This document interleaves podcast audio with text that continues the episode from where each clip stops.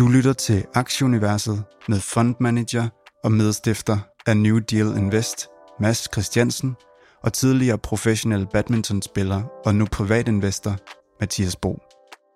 Velkommen til Aktieuniverset. We are living through an era of unprecedented change to our society as well as our economy. Make no mistake about it. Growth is not just a financial issue, it is a strategic issue. Velkommen til 92. 20. udgave af podcasten Aktieuniverset. Det er i dag 2. juli, dagens program. Vi kigger naturligvis på øh, lidt aktuelle markedsnyheder. Igen skal vi lige rundt om inflationen, og så øh, skal vi se lidt på forsyningskæder. Øh, Micron Technology har fremlagt regnskab. Vi får også besøg af Anthony øh, Linares, der vil gennemgå øh, Palantir sammen med os. En af de her øh, spændende brancher, spændende selskaber, Mads, som, øh, som ja, mange vil spå til at være en af, en af fremtidens megatrends. Øh, alt vel hos dig? Ja, det er det. Det er det i den grad. Jeg synes, det har været en spændende uge, og det har, det har rigtig meget været øh, et spørgsmål om, at, ja, altså det har rigtig meget været øh, forsyningskæderne, øh, som, som vi kommer til at snakke meget om i, i den her uge, eller i det her afsnit. Øh, Michael Burry har været ude og tale om, om noget, der hedder bullwhip-effekt, øh, øh, som jeg gennemgår. Og så øh, senere, og så, så netop det her, Antonio, øh, hvad han kommer til at fortælle os om, som, som Palantir kan, er noget med at skabe, skabe orden i det, blandt andet i sådan et forsyningskæde moras, som, som vi har i øjeblikket. Øhm, så, øhm, og, og så Microns regnskab var, var også rigtig fuldt af, af, af sådan ting omkring øh, forsyningskæderne, så, så det er lidt spændende, og det er godt nok øh, uforudsigeligt og, og, og svært at, at finde rundt i, øh, både for dem, der skal prøve at, at løse morasset, og, øh, og for alle os, der prøver at finde ud af, hvornår bunden er der. Så øh, spændende tider, ja. Lige præcis. Hvis vi lige kigger på, på indeks til at starte med, så ja, bakker vi øhm, desværre lidt den her uge. S&P er nede 2,2% down nede 1,28, Nasdaq nede over 4% DAX nede øhm, 2,3 procent til 25 nede lidt over 1 procent. Den 10-årige rente, den faldt øh, ret kraftigt i løbet af ugen. 10 procent og er nu lige under øh, 2,9. Øh, olien ligger stort set uændret i omkring 108 US dollars. Øh, Euro-dollar krydset det i 1,04 nu, og øh, ja, Bitcoin og Ethereum har også haft en svær uge. Vi kommer også lidt ind på, hvorfor øh, Bitcoin i 19, 19.000 og, øh, og Ethereum lige omkring øh, 1000. Mads, lad os prøve lige at, øh, at vende tilbage til, til det her inflation og de her inflationstal. Øh, jeg går lidt lige på hårdt og så fræk at spørge dig, øh, ved, øh, ved Fetcher overhovedet, hvad, hvordan han skal få det til at falde? Nej, det var, det, var, det var sjovt. Jeg har ikke selv hørt det, men, men øh, det folk øh, refererer, og sådan har, det, der har kørt på Twitter omkring Jerome Powells udtalelse, det var, at han siger jo i bund og grund, at han, han ved ikke øh, præcis, hvordan han får øh, inflationen ned og historisk set så har det ikke rigtig kunne lade sig gøre at, at få inflationen ned fra de her højder uden at skabe en recession. Øh, og alligevel så bliver man ved med at tale om en blød landing og, og sætter sin lid til, at, at det skal de nok finde ud af. Så er han ude at sige, at, at rent faktisk så, så ved han ikke uh, præcis, hvad der foregår. Uh, og, og det er jo nok uh, i bund og grund det mest uh, ærlige, man kan sige. Jeg hørte et interview med, med Michael uh, Saylor på et tidspunkt, øh, altså ham der er CEO for MicroStrategy, hvor han siger, at i virkeligheden så burde man afskede økonomerne, og så burde man ansætte nogle, øh, nogle ingeniører og nogle, øhm, øh, øh, nogle folk, som kunne simulere øh, ting, i stedet for at så indtage, indtaste en masse data, og så prøve at simulere økonomien, øh, for, at, for at, at finde ud af, hvad der er det rigtige at gøre.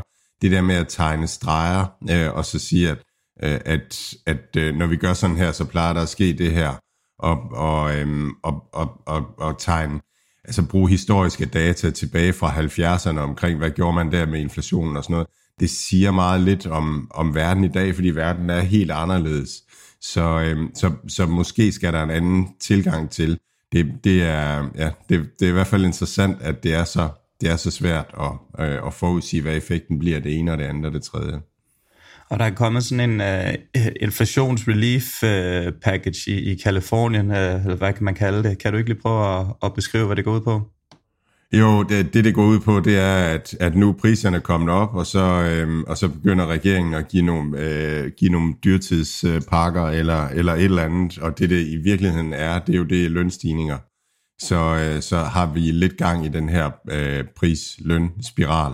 Så øh, det gør ikke en specielt tryg, men altså, det, og det er jo det, der er så svært. Øhm, og det er jo præcis derfor, at at når regeringen sagde under corona, at det er gratis at give, øhm, det er gratis alt det her, vi gør, øhm, alle de her penge, vi pumper ud og, og så videre, jamen så er prisen, den er den her nu, at, at lige pludselig så skal man tage stilling til, skal man øh, sikre sig, at lønnen ikke, altså at, at vi ikke får spiralen, og det betyder jo, at der er nogle forbrugere, der bliver virkelig, virkelig ramt hårdt, øh, eller, skal vi, øh, eller, eller skal vi acceptere, at der kommer en prislønsspiral, og så, øh, og så, ja, altså, så begynder at pumpe penge ud. Så det er ikke så, det er ikke så hyggeligt at se på. Nej, det er jo en ærlig sag, at man ikke har, har, har helt styr på det. Det er selvfølgelig ikke så betryggende, når det er en af, en af verdens mest vigtige personer. Men vi vil også drage lidt øh, paralleller til vores egen øh, Christine Lagarde, øh, øh Øh, ECB's øh, øh, quarterback. Det virker heller ikke til, at hun sådan har specielt meget styr på det. Nej, hun har jo også et, et problem, der ikke kan løses. Altså, at, at hvis man skal have have styr på, øhm, på inflationen i euroområdet, så skal man øh, have renten op et sted, hvor at, at italienerne ikke har en, en bæredygtig økonomi mere, fordi at, at, at, at, at renterne øh, på deres statsgæld bliver så store, at, at det ikke hænger sammen. Så, øhm, så det, det prøver de at, at fedt rundt med at finde en, en løsning på det kan være, at den her bullwhip-effekt, som vi kommer til at tale om senere, at, at den kommer som en, en hjælpende hånd. Og at, at, ja. Der kom inflationstal fra, for fra ja, eurozonen og, og selvfølgelig også nogle af landene her de sidste par dage her i Tyskland, der, der faldt den til 8,2 øhm, mod 8,8 forventet. Øh, I maj var den øh, 8,7, og det, det syner jo positivt. Øh, men det er på grund af den her, øh, hvad hedder det nu, øh, de her afgifter på brændstof, der er sat ned i, i tre måneder i Tyskland, som regeringen har været inde og hjælpe med, der, der gør den her ned. Øh, fødevarepriserne de steg 12,7 procent øh, det seneste år. Spanien, der var inflationen 10 procent mod øh, 8,5 i maj, og det er naturligvis heller ikke et godt tegn. 10 procent er, er voldsomt, og så det her samlede eurozone-tal, der, der blev fremlagt i går, det var, det var 8,6 så også højere end, øh, end forventet. Øh, og øh, ja, det, det bliver spændende at se her, om, om der kommer en, en rentestigning. Jeg så lige det seneste, at bettingmarkederne det er cirka 50-50 for, om der kommer en rentestigning i juli måned ved, ved ECB, så øh, det, må vi, øh, det må vi holde øje med, Mads. Øh, det virker i hvert fald, ja, som, som du sagde, lidt, lidt kaotisk, og lidt som om, at på meget, meget, meget tynd is, og nu er de, nu er de ja, meget, et eller andet sted er det vel meget øh, hvad hedder sådan noget, øh, forløsende, at de, de er ude at sige, at de ikke rigtig ved, hvad det er. Så, så har man da i hvert fald med det at gøre, så man ligesom kan, i stedet for at de siger, at de styr på det, så ikke har styr på en skid, så, så har man da i hvert fald det at for, forholde sig til. Ja, ja, det er, ja, og det er bare, det er bare voldsomt. Ja, det er ikke noget, det er ikke noget, vi skal ikke... Vi skal, vi skal, 10 procent, det er jo helt vildt. Ja, og, og man, når det er så sagt også, ja, det er det, det, det, det er rigtig skidt for os, der sidder herude, men altså, man, man må også sige, det er ikke, øh, det er ikke for at, at pege en rygende øh, pistol hen mod de her, men det er heller ikke nogen nem opgave at, at sidde med det her, så altså, det er altid nemt at, at sidde, og, uh, sidde bag skærmen og, uh, og undre sig lidt over, hvad, hvad fanden det er, der sker. Jeg er da i hvert fald glad for, at jeg ikke skal sidde med den opgave selv, for så er det gået endnu mere rarligt.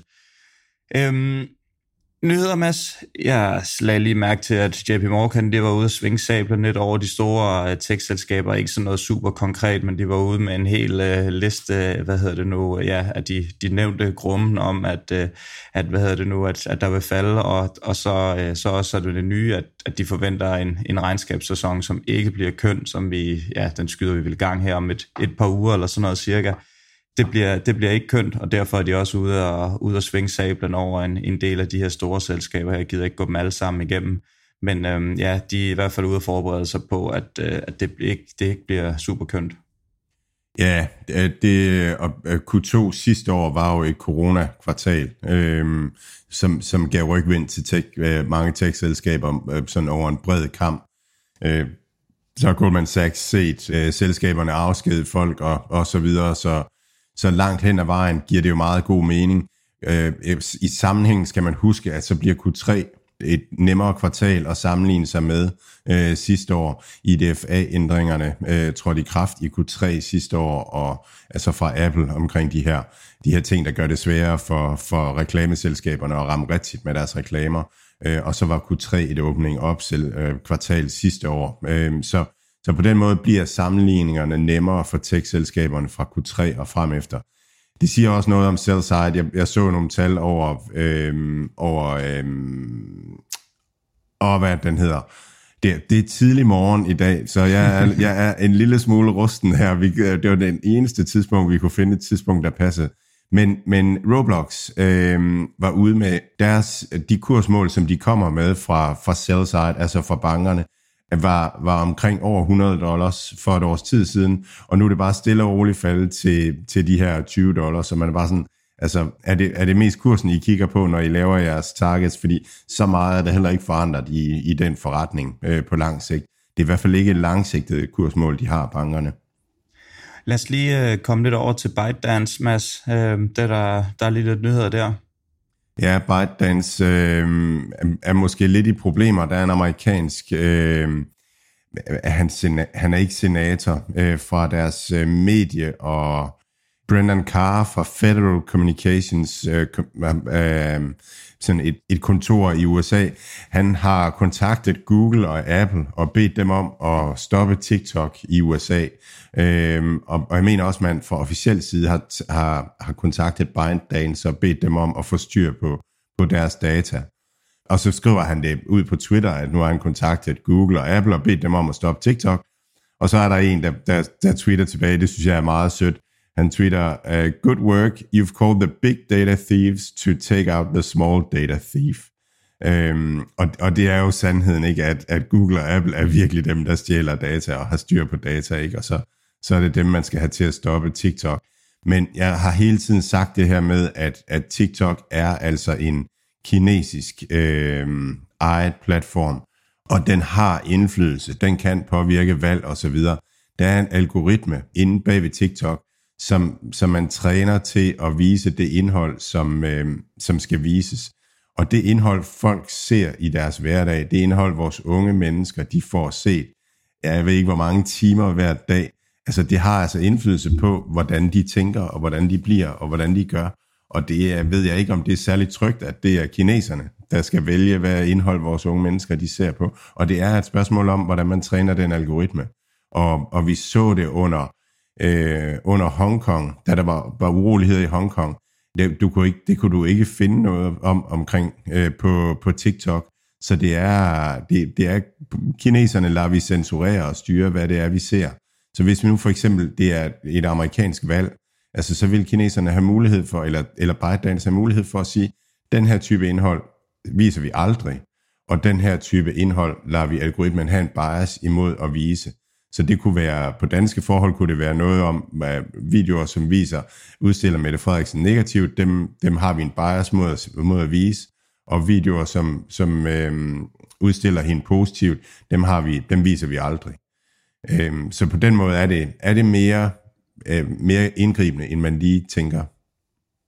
Kan vise øh, et par, par mink-videoer fra Danmark, tænker jeg, er meget aktuelt at se der.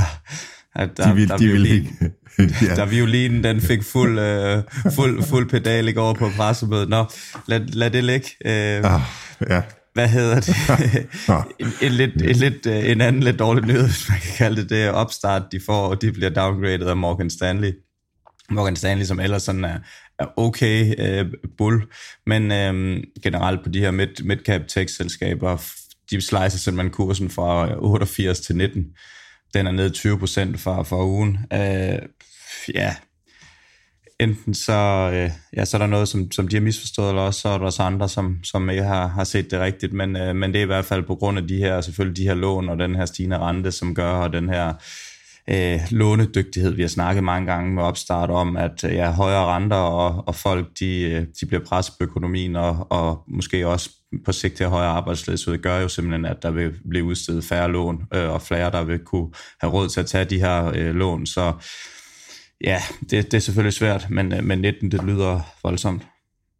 Ja, jeg, øh, kender en, en spansk øh, fondmanager, som jeg, jeg snakkede med ham for et halvt år siden, øhm, og, han, der, og der sagde han, at han har fulgt for opstart længe. Han sagde, at, at det eneste, vi ikke ved om opstart, det er, om øh, den algoritme også virker i, øh, i et anderledes miljø, end et miljø med faldende renter osv. Og det er det, vi ser lige nu. Altså, og det er, det er, det, det er det, vi gennemlever nu. Virker opstart i det her miljø, og det ved vi ikke præcist endnu. Øh, og så har de lån på balancen og sådan noget, det gør, det gør folk øh, bekymrede. Jeg, jeg, tror, jeg tror på det, men, men det er, det er bear casen, og det er den der usikre, øh, usikkerhed omkring, øh, om opstart kan i det her miljø. Det er det, det, det hele handler om. Og så er lånevirksomhed jo cyklisk, og det, det, det vil der være mindre af nu her. Så derfor, øh, derfor så, så er det her det værste miljø for, for opstart. Øh, ja. Hvis vi tager lidt øh, hurtigt, Nike, de var ude med et regnskab, det så egentlig meget fint ud, men at de falder 6% på, på regnskabet, det, det er jo svært i øjeblikket. Det, der, skal, der skal meget til at hisse folk op.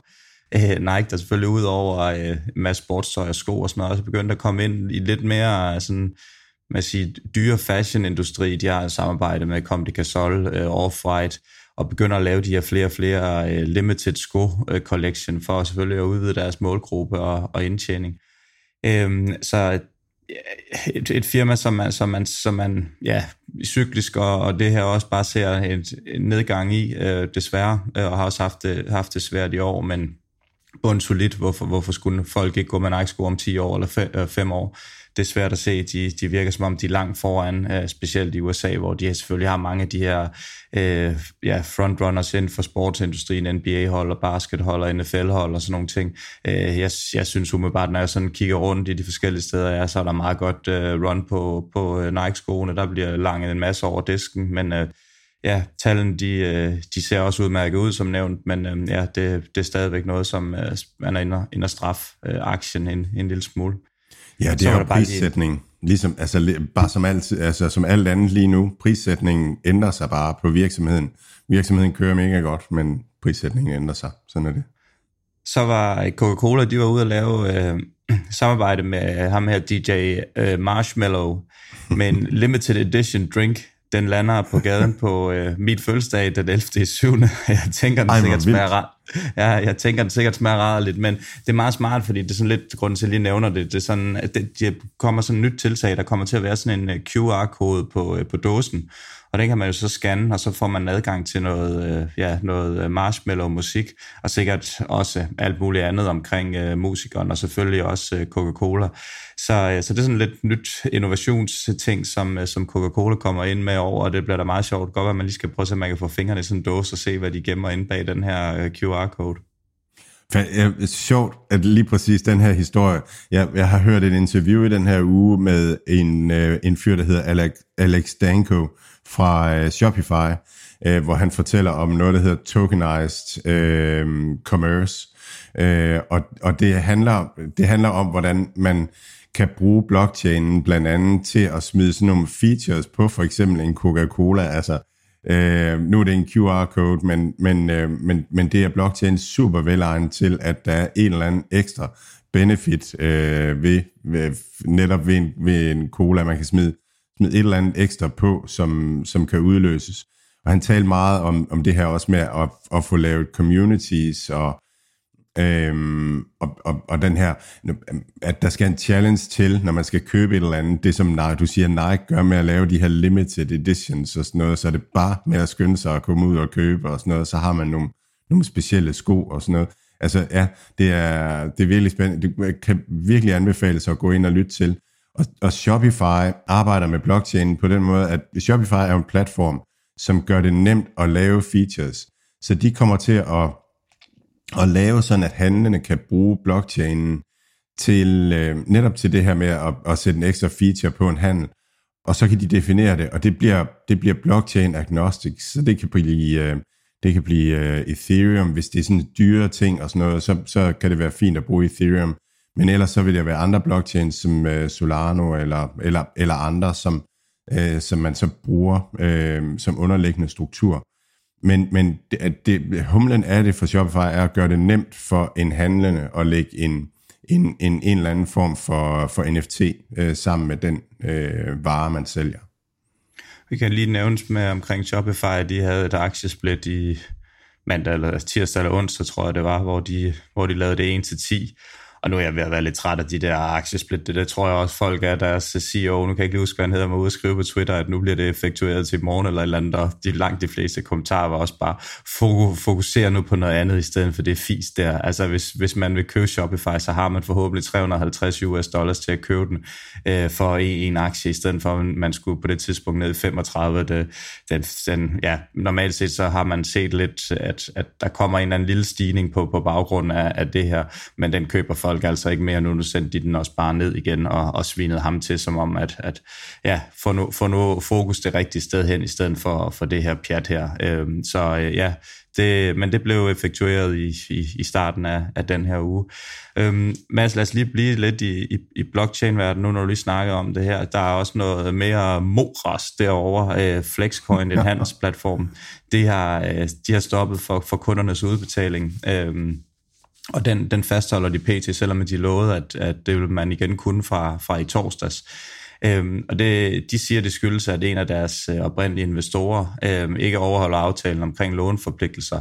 Og ham her, Robert Ver, som det hedder, han er ude at sige, at, at det er falske rygter om hans manglende betaling, og han vil hurtigst muligt redegøre for sagen. Så, øh, så hvad, der, hvad der er op og ned i den sag, det, det, det må man jo så, så se, men, men i hvert fald så er kunderne taget som, som gisler, og dem, der vil have deres penge ud, det kan de godt glemme alt om. De her Flexcoin, de har deres øh, egen token, den hedder Flex USD, og den blev øh, ja, naturligvis øh, prylet i, i, i den her uge på, på baggrund af, af det her i, øh, historie her.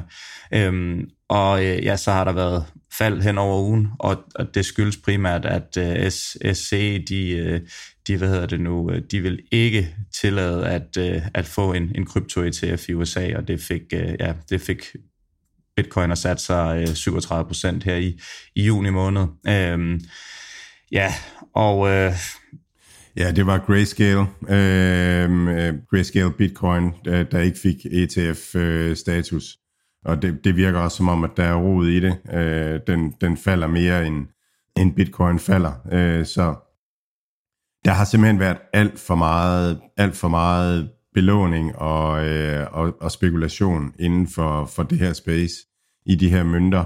Og man skal holde fast i, at Alex Danko og Shopify, de arbejder med blockchain med at bruge det til at skabe noget værdi omkring noget handel. Og, og de kommer til at bruge, hvis de kommer til at bruge Solana til det, jamen så kommer det til at give usage til Solana, og det vil, det vil være godt for Solana virksomheden. Så er der en masse belåning på Solana, øh, coins og, og så videre, og det kan gøre, at, at, at man på en eller anden måde får en, en krise inden for, inden for spekulationen af øh, i kryptospacet. Men, men det er sådan to forskellige ting, øh, og, og vi ser bare den ene efter den anden øh, ligesom gå ned, og, og, og det viser sig, at der har været lånte penge og, og så videre.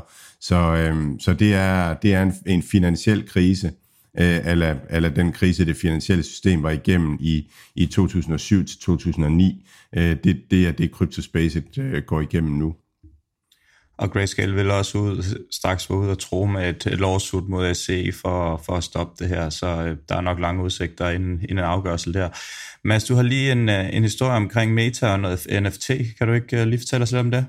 Jo, de, øh, jo, de går i gang øh, nu, Meta, øh, med at kunne lægge en eller anden en eller anden NFT ud til, øh, altså at man som creator, at man så kan lave en, en NFT.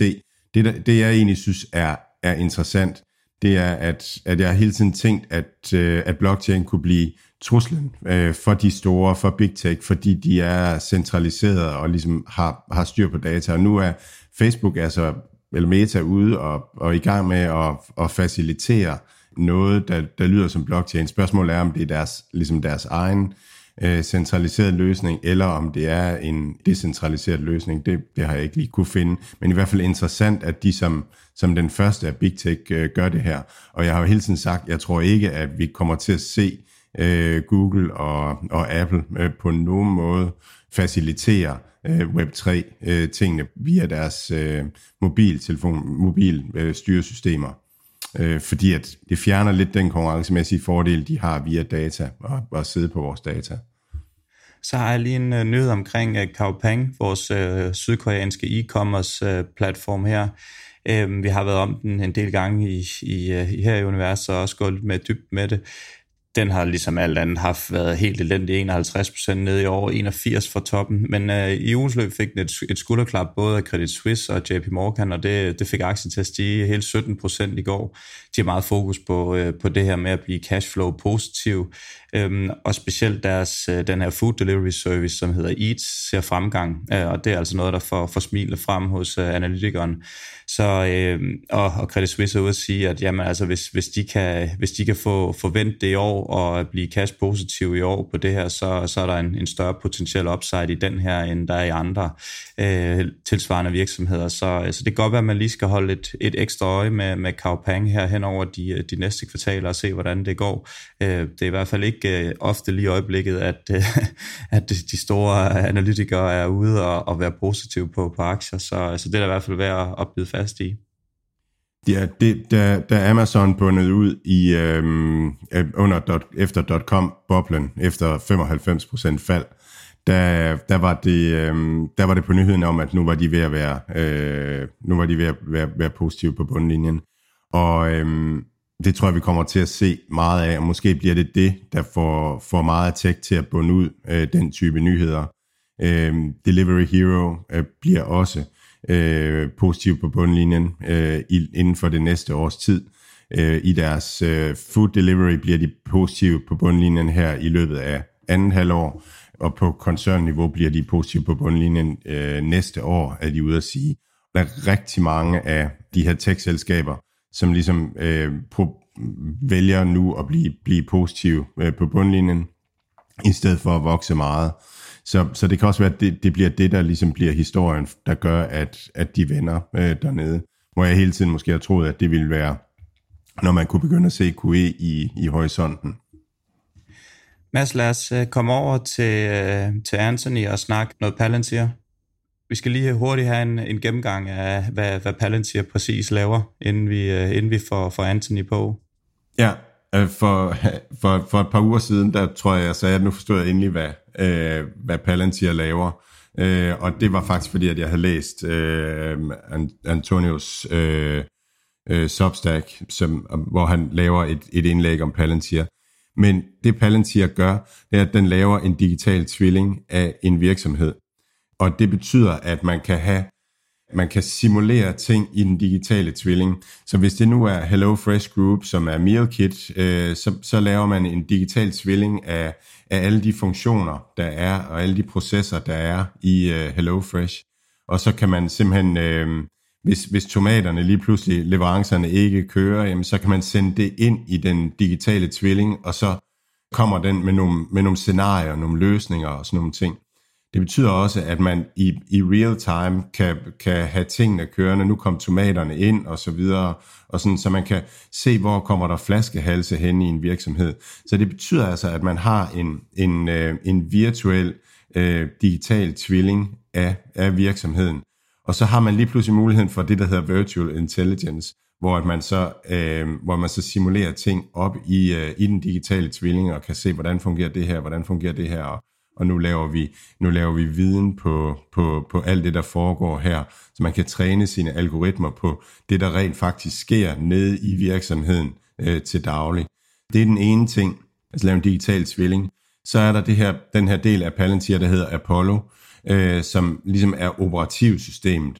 Og der er en, en fordel ved det, det er, at der er så mange forskellige software ting, som kører i en virksomhed i dag, Øh, og, og i dag er det, er det virksomhedens egen IT-afdeling, der skal få alle de her ting til at spille sammen.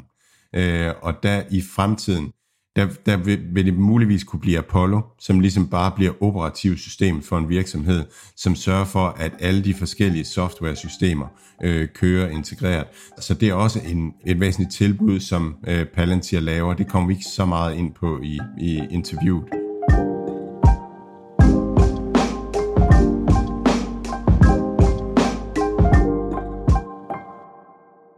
Alt, hvad Mads, Mathias og deres gæster siger, er deres egne meninger. Det er ikke finansiel rådgivning. Denne podcast er udelukkende ment som information og skal ikke bruges til at lave beslutninger om investeringer. Mads, Mathias og kunder i New Deal Invest kan have positioner i de virksomheder, der tales om i podcasten. Antonio Linares, um, great to have you here on our podcast. Thanks for joining. Thank you for having me. I'm very excited to do this. That's great. Um, I, I fell up upon your Substack where you wrote about uh, Palantir, and, and you're actually the guy that that that that made me made it possible for me to understand what Palantir was. So well, we really had to have you on here because I think it's it's fundamental for a lot of things to to to understand where data is taking the world to to understand what Palantir is. Uh, but could you start by introducing yourself a little bit? Absolutely, Mads. So um, I've been an investor since 2014.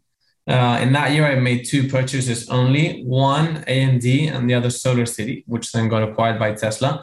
And ever since, uh, my career has been about starting companies and just getting deep into weird and weirder rabbit holes where I study seemingly unrelated fields and domains. And I just kind of put that together uh, and turn it into simple abstractions and insights that I can leverage and that I can help others leverage, right? So now, uh, about two years ago, I got full time into investment, into investing, and I write the conclusions that I reach uh, in my Substack, and I'm just sharing that with the world now.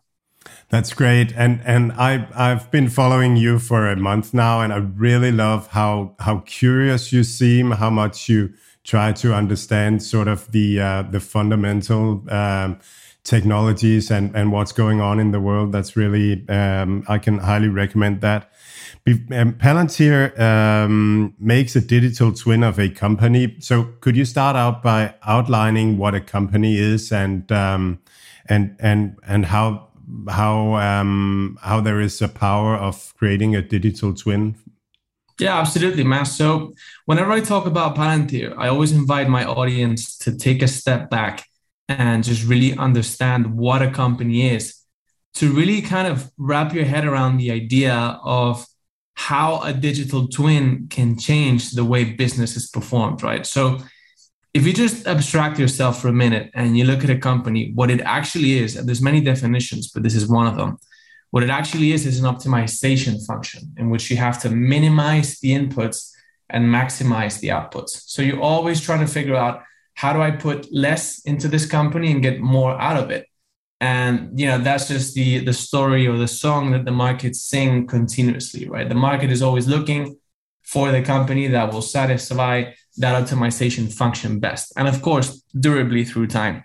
So, how does a company optimize its operations? How does it minimize the inputs and maximize the outputs?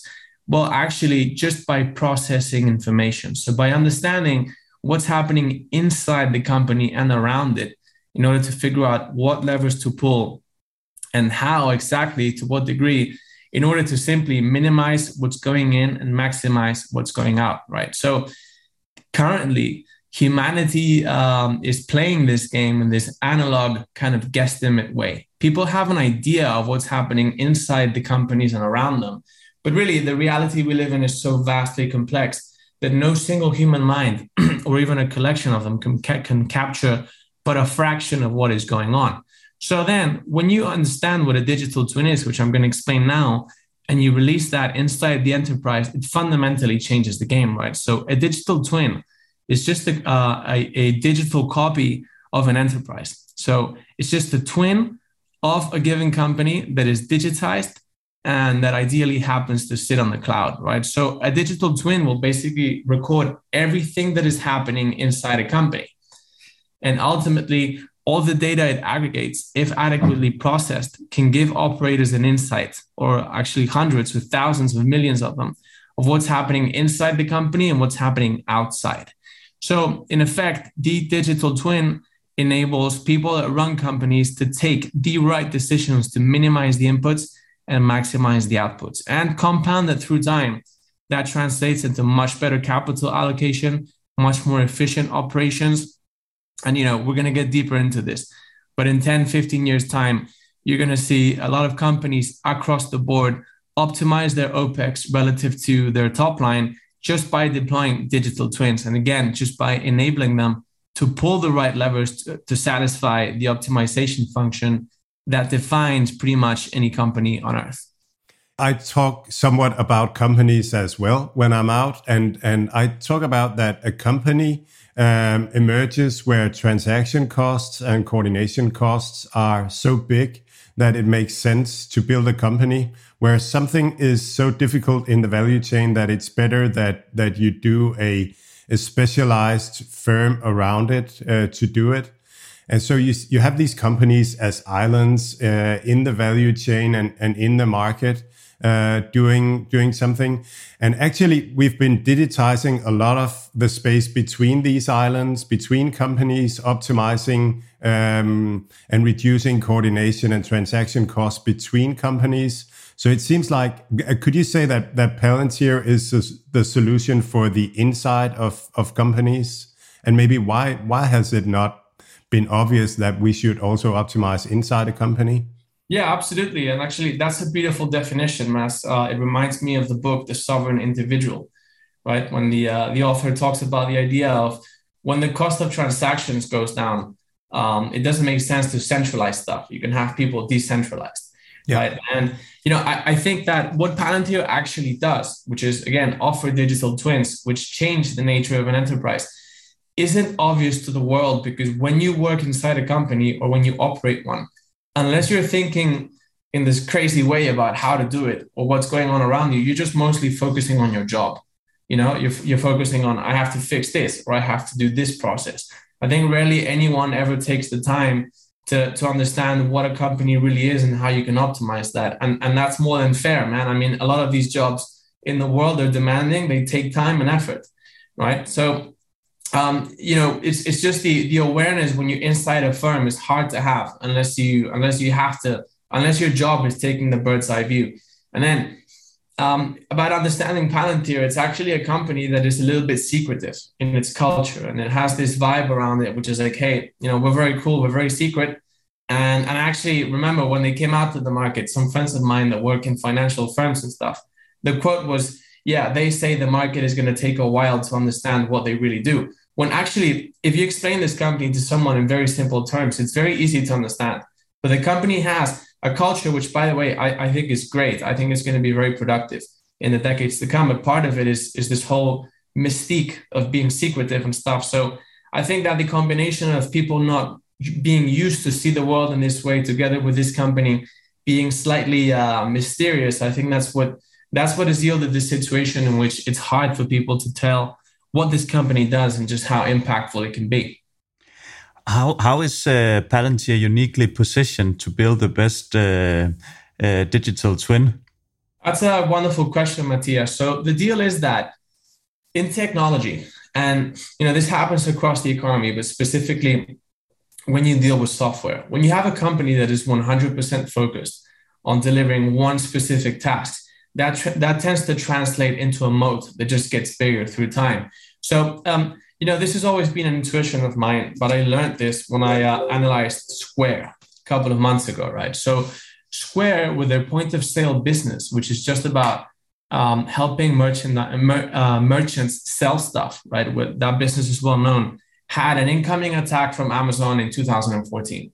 And until that date, Amazon had a 100% kill rate. So if Amazon was able to copy your business and underprice you, you were dead in a matter of uh, know an arbitrary amount of time, but very short.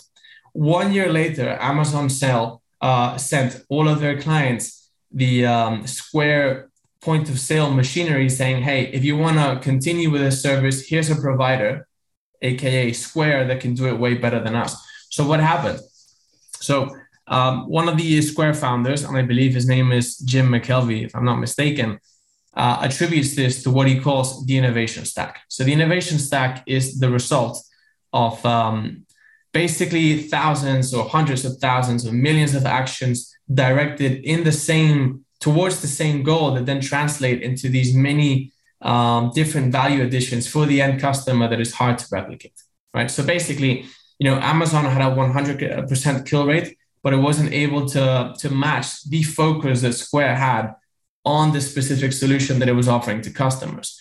Right? So when you look across the technology space and you see trends that you want to capitalize on, like maybe semiconductors, digital twins, uh, XDR, you know, so, so cybersecurity and stuff. It's it's a good bet to look at companies that have these underlying underlying dynamics that, that can produce uh, strong returns both for the, the end customers and for shareholders through time. And that is the case with Palantir. Palantir is 100% focused on digital twins and adjacent services, but it doesn't wander very far off, right? So it's uh, mostly the business is about Foundry uh, on the private side, and then they have Gotham, which is a digital digital twin, but for um, for governments. And then they have another offering called Apollo, which is about deploying software in uh, in troublesome environments. But basically, could, all could they you, do. Antonio, could you just uh, could you just explain um, uh, Foundry, Gotham, and and Apollo? Yeah, sure, Mess. So it's very simple. Foundry is just a digital twin, but for the private sector. Gotham is the same, but for uh, the public sector, so for governments. And then Apollo is about how do you get updates uh, to these two pieces of software in environments where it's hard to get these updates to. So think about satellites, right? You may have uh, Foundry operating in a private constellation of satellites up in the sky, up in space. How do you get updates to them? Well, it's actually quite hard because it depends on the operating system that the satellites run on network conditions and all these things. So Apollo is this kind of surefire way to get software to these um, complicated environments, right? So, you know, going back to the innovation stack, this is a company that focuses just on digital twins, and all their culture is optimized for that. And you actually, if you read their public documents, they talk about their culture the whole time. And if you just take a step back and you analyze the best companies in the world, so if you do a deep dive through Tesla, uh, Spotify, which which I think is a, a, very promising company. It's going to be way bigger in the future than it is today. But just many other companies of the sort, they have one thing in common, which is they optimize for a culture where people can do their best work. And what does that involve? It involves low politics, it involves high decentralization, and high autonomy and empowerment. So people make most of their money through stock options, which is something that's been actually quite uh, uh, it's been quite talked about with Palantir. The dilution for shareholders over the last year has been quite large, right? And so people make most of the money through through stock options. And then there's this whole culture of I can be my own weird self as long as I'm respectful and as long as I do my best work. And that's just something that's pervasive throughout all of Palantir's communications, right? And then uh, that on its own is really not that valuable. But if you look at specific qualitative data points that we get from the market, you start to see that dynamic sort of peek its head at the other end, right? So, what are some qualitative data points that I think are interesting? One, um, at some point in 2021, which I have in my deep dive, but I'm talking too fast to fish out the detail, uh, the US government assigned Palantir the job to take care of the nuclear stockpile, right? So, the nuclear stockpile you have the Soviet one and you have the American one, and there's some other companies that uh, other countries that have stockpiles as well. But these this asset, the U.S. nuclear stockpile, is the most existential asset to humanity today. If there's an asset that the U.S. government is concerned about, it's that one, right? And then they go and assign Palantir to take care of that. So if it's good enough to assign um, to to operate the nuclear stockpile, then it's good enough for a lot of things, right? And then there's another interesting example where um, Microsoft and Boeing launched a competitive ecosystem for aviation nearly a year before Palantir and Airbus launched Skywise, their current offering, which is like a digital twin to basically fly planes around, right? So the same concept, minimizing inputs, maximizing outputs, but for a fleet of planes. Now, 65% of the Boeing fleet, which originally started working with Microsoft, is managed in Airbus Skywise. So the, the, the ecosystem made by Palantir. Skywise now connects more than 100 airlines, 9,000 aircraft. Right. So Microsoft got started in this space better uh, earlier than Palantir, a year before, and now Palantir beats them. Why? The same as what happened with Square and Amazon. It's the innovation stack. It's the 100% focus on building this culture and this obsession around delivering to the end customer in the digital twin space that just creates that marginal difference, which in software is actually translates into exponentially better results. because people, you know, in, in some products in the analog space, you can say, well, Ben and Jerry's is 1% better than this other ice cream. And then you can pivot between one and the other. In software, there's no such thing. When something is just marginally better than the other thing, typically, and throughout history, we've seen this many times, people flock exponentially to the software that's marginally better. Right. You so, should really think that that Microsoft that that that Palantir really had a compelling offer to Boeing to to make them choose um, choose Palantir instead of Microsoft. Um, sort of what you're saying here is it's a big bet. You cannot unroll if you first uh, dive into Palantir. Then then you're there. Yeah, yeah. I mean, but, but you know, just just bear in mind, Mads. Um, Boeing was with Microsoft first, so they they somewhat. I mean, they they ditched um, Microsoft 65% because 65% of the Boeing fleet is managed in Airbus Skywise. So with Palantir, right? So they ditched Microsoft to go with Palantir. And, and, there's actually something very interesting here, which is what I call the SAP paradox, the SAP. So the uh, the SaaS, um, you know, the SaaS company SAP that that people have been using for in companies for a long time. No one likes SAP, but everyone keeps hiring SAP. And I think we discussed this earlier, Mads. mess. Um, it's about you know no one wants to get fired for hiring the latest new solution that comes into the phone. So when something like this happens, when when Microsoft gets ditched and someone inside Boeing hires hires Palantir, there has to be a meaningful uh, value proposition that that drives this new contract. And especially, you know, Boeing being one a highly respectable company, but B something that's been around for a long time, and they're, they're probably not, you know, Tesla minded, running huge risks, right? Yeah.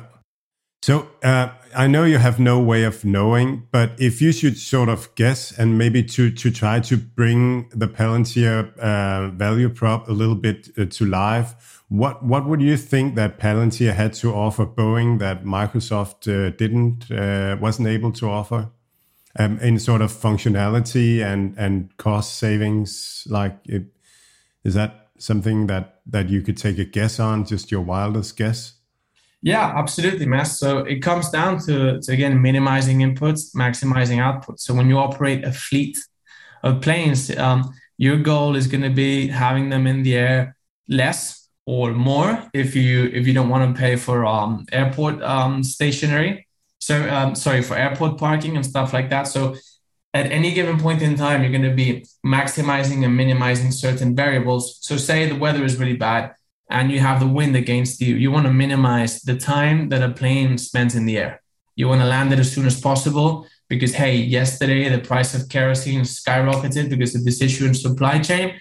Uh, it's up 15%. So now we have to lower the time that the plane is flying, right? So stuff like that is just about can you get the most amount of variables into the system and then process it adequately? So it just comes down to which digital twin is going to be able to do that job better for me? What can get all this data that's relevant to my operation and process it into insights that I can manage, right? And that can actually drive um, returns in my operations. So that's what it comes down to. So it, it yeah it takes a lot of uh, small and big information pieces from from a very diverse uh, sources uh, and and integrates it into a a simulation or or where we can predict what what is the best action uh, to do right now in in just this very small uh, decision and that very small decisions. Maybe decisions that would be too small to pay a human to do but um, or too too complex with too many variables to to pay a, a, a to have a human doing. Is, is that kind of exactly mess that's that's exactly it. And, and you know just going back to my my initial definition of what a company is and how a digital twin really delivers value in this space. This is what humans do in companies. They they each have you know we we uh, yeah. people in companies have their own job and they're just processing information streams and taking decisions. But you know, as you say, it gets to a point where no single human can really optimize for that. So you can have one plane in the air and be in this ecosystem of planes, which is dealing with scarcity both in in terms of actual space in the sky and with actual space to land in and time and cost and stuff. And you can have a hundred brains assigned to that task, and they're probably going to do a, a better, uh, sorry, a worse job, or at least they're going to be far less reliable through time than a solid digital twin system that's processing all these variables and just you know outputting to the pilot or to whoever's in charge of taking decisions. Hey this is this is you know th- this is the possible range of decisions you can take and these are the likely outcomes that you can expect from each one. You choose from here right? So it, it's about you know humans can do that but they can't do it so well. They can't do it so intensively with so much data. And then obviously software is going to be more reliable through time because you know humans we get stuff wrong I think it would be a great time now to talk about uh, AI and um, and blockchain, how how that fits into this um, this way of uh, governing or running, uh, optimizing a company. Um, yeah, yeah, great question, Matt. So, um, you know, I think that generating economic value has always been about figuring out new ways to put atoms together. So everything up until the year 2000, pretty much in humanity's history, is you know, we just figured out this new way to put atoms together to produce steel, which all of a sudden makes us really great, this and that, and that enables wars, which you know we don't want, but it was part. Of, it was a part of history, and it enables us to build planes, and that's how humanity has been evolving. Just studying things and unlocking new information about how to do stuff with the building blocks of the universe that delivers value. Right. So since about the year 2000, and arguably um, it's, it's, it's happened gradually, even 40 years before that. We've come down to the level of the electron. So it's all about how do we manage electrons better to obtain insights that then allow us to create wealth in this way, right? So coming down to the level of the electron, we now have these two new technologies, which are AI and blockchain. AI is simply about moving electrons around and processing them to figure out new and better ways to do things. And we can go much deeper into this, but that's what AI does. We just feed it a lot of data, we train it to, to be able to figure out particular insights and connections between data points. And then we can use it in real life to make inferences, so predictions. So, just to give you an example, we can give AI a lot of data about what happens to a plane in different flight conditions. And then you can use the AI to say, hey, well, what's likely to happen today now that we have these conditions? That's all AI is. Now, about blockchain, it's the same thing, except now we're using electrons to make commitments, irremovable commitments. So it's about blockchain enables computers to say, I'm going to do this. And then we can trust the computers to do that. So it's about writing code that's immutable mostly, and that we upload to the blockchain. So when you look at these two technologies in the context of what a company is and what a company's function is, right, which is the optimization function, a lot of what happens inside a company is about humans making inferences. So humans in companies are fed data and people learn and people exchange ideas and they talk and they discuss. And then they say, hey, this quarter, this is happening. We have these situations inside the company. We have these situation outside it here's the decision the, the decision we're going to take for the next quarter right? So that's just inferences. And that's what ai does. And then a lot of what happens inside a company as well is people taking decisions to transact value. So people are like okay we just have these insights now. So then i'm going to take this decision to maybe make this purchase of inventory or, or change the, the, the price at we, at which we sell our end products and stuff like that. So blockchain is about substituting that via smart contracts, at least inside the enterprise, which is basically saying, hey, I'm going to code this uh, these instructions that say when this happens, the company is going to execute this and that. So in terms of administration and in terms of employee headcount, blockchain can radically decrease uh, the amount of people that you need to carry out transactions that are a result of the insights that you have derived. Right. So the two technologies put together basically turn a company, you know, at their maximum exponent into this much more autonomous and efficient enterprise. So think about a company in which you're capturing a lot of data and then you feed it into the AI and the AI just figures stuff on its own like humans would. Um, and then instead of having people take decisions based on the insights that the AI produces, we just have blockchain based smart contracts that say, hey, when this happens, execute this and that. So when AI makes this inference, execute this and that. When AI says this is not going to happen, execute this other set of instructions. So, and that's not that's not to say, Mads, that humans are going to go completely away from companies. I don't think that's ever going to happen. It's just going to mean that humans can focus. apologies. Um, I have to clear my throat. P- people are going to be able to focus on the creative endeavors that humans are really good at. Uh, yeah. The endeavors that you know machines just can't take on. So it's AI and blockchain. They're going to free humans to do really meaningful work inside companies, and they're going to let um, humans are going to let these technologies do the boring work. So the question is, how do you deploy these technologies into a company? Well, if you're Google, you're already 100% digitized. So you could just unleash AI and blockchain across the enterprise at your own will. If you're a traditional company that makes wooden chairs somewhere in Central Europe, for instance, or whatever industrial company you may think of, whatever chain of restaurants, you don't have that digitization by default. And you can't just apply AI and blockchain in the air like that. You have to deploy a digital twin which feeds back to the, to the initial idea about processing information, minimizing input, maximizing output. AI and blockchain enable you to really optimize your company and decrease OPEX as a percentage of the top line.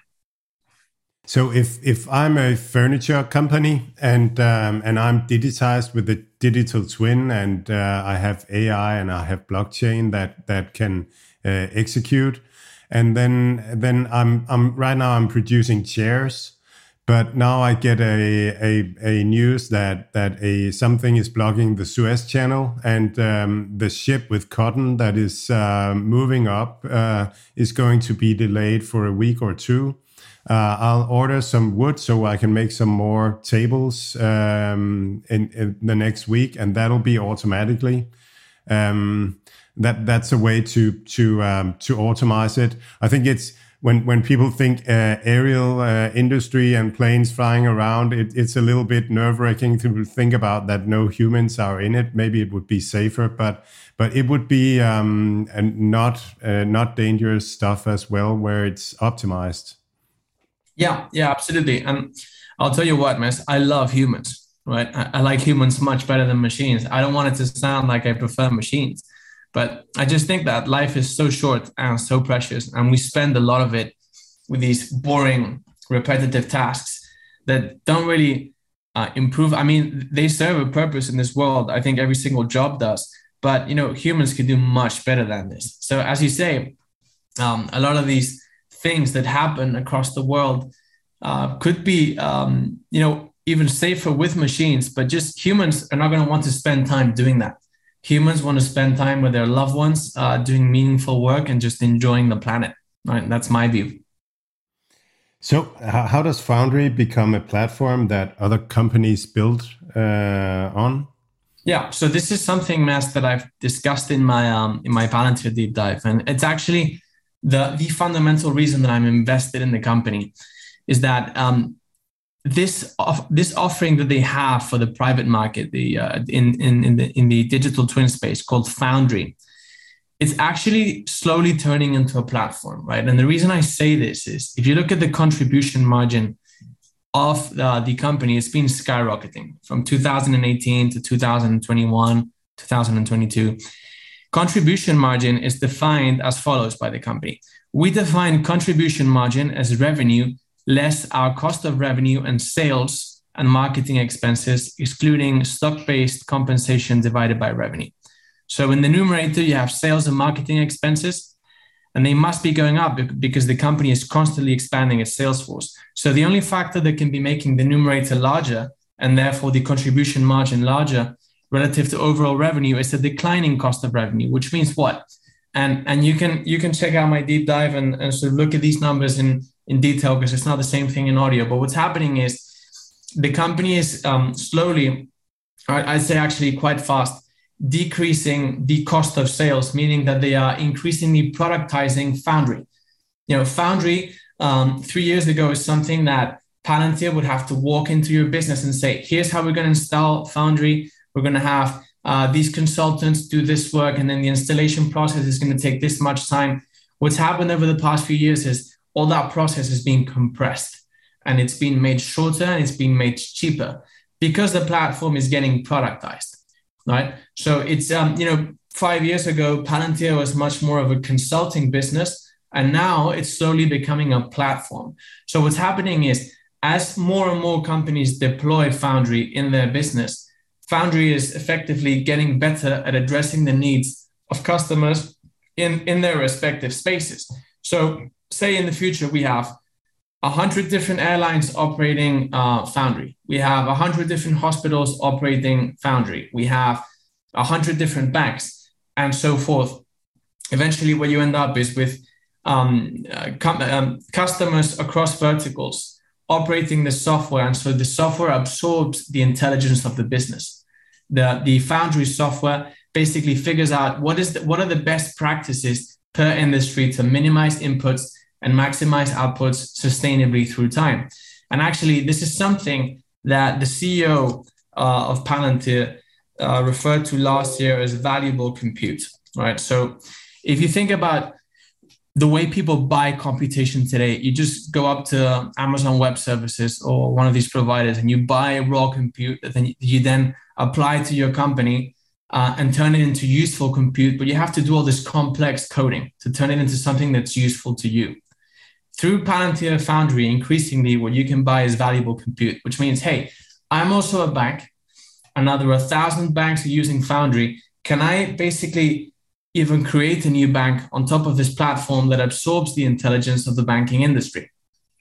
You know, and that's what refer. It's what it's what's referred to as valuable compute uh, by the company, and it's basically where the company is centering its attention now. Now, as as this becomes a reality and this foundry becomes a platform that um, that operates across verticals and high density verticals where it can absorb the intelligence of these businesses, then this platform becomes something that people can build on. So people now go to AWS and they start building their software and they code it and stuff. The next iteration of the cloud industry is about, yeah, I want my computing. I sure want computing power, but then can I start off in a place where I don't have to reinvent the wheel from scratch? Can I just start with a platform where, you know, I know I want to build this type of company. Okay, but let me absorb the uh, part of the intelligence of the industry for a price, both to the provider of the platform and to the providers of the intelligence, i.e., the end, the original end customers of Foundry, right? So as as the platform becomes increasingly productized, which I, as I was saying, I measure with the increasing contribution margin through time.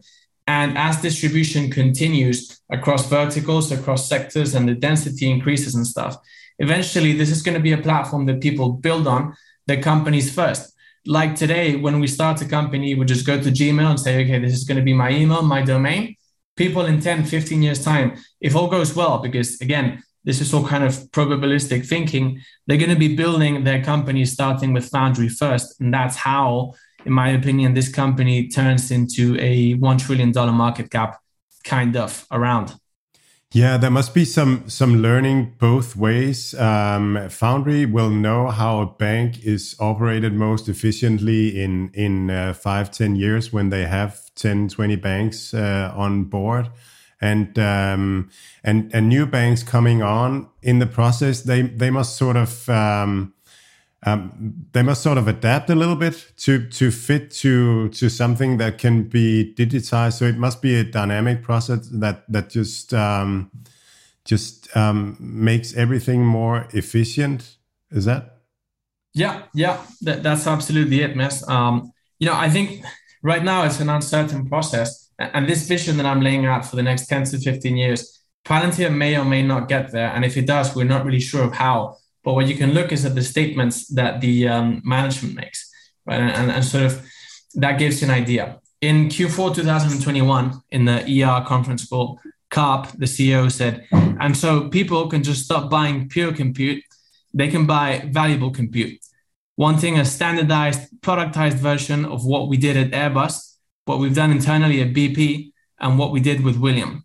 And so, what I can tell you is like, of the of the very big deals we're working on now, they're almost all this. Meaning, you know, we as a company, Palantir, have been offering these um, specialized products to leading companies across the world, and now our new customers say, "Well, I want a standardized, productized version of this. I have a smaller airline or I have a smaller oil company." Give me um, valuable compute directly instead of making me go through pure compute and then have me hire lots of consultants and spend lots of money and time, right? So, you know, Foundry is is very far away from being a platform. But what I'm saying is, if you look at the fundamentals of the company and the way the metrics are, are advancing, they are clearly productizing the solution in a way that, um, you know, in 10, 15 years time is going to come culminate like that. And as you say, it has, it's, it's a lot of symmetric learning. So Palantir from its customers and the, the customers from Palantir.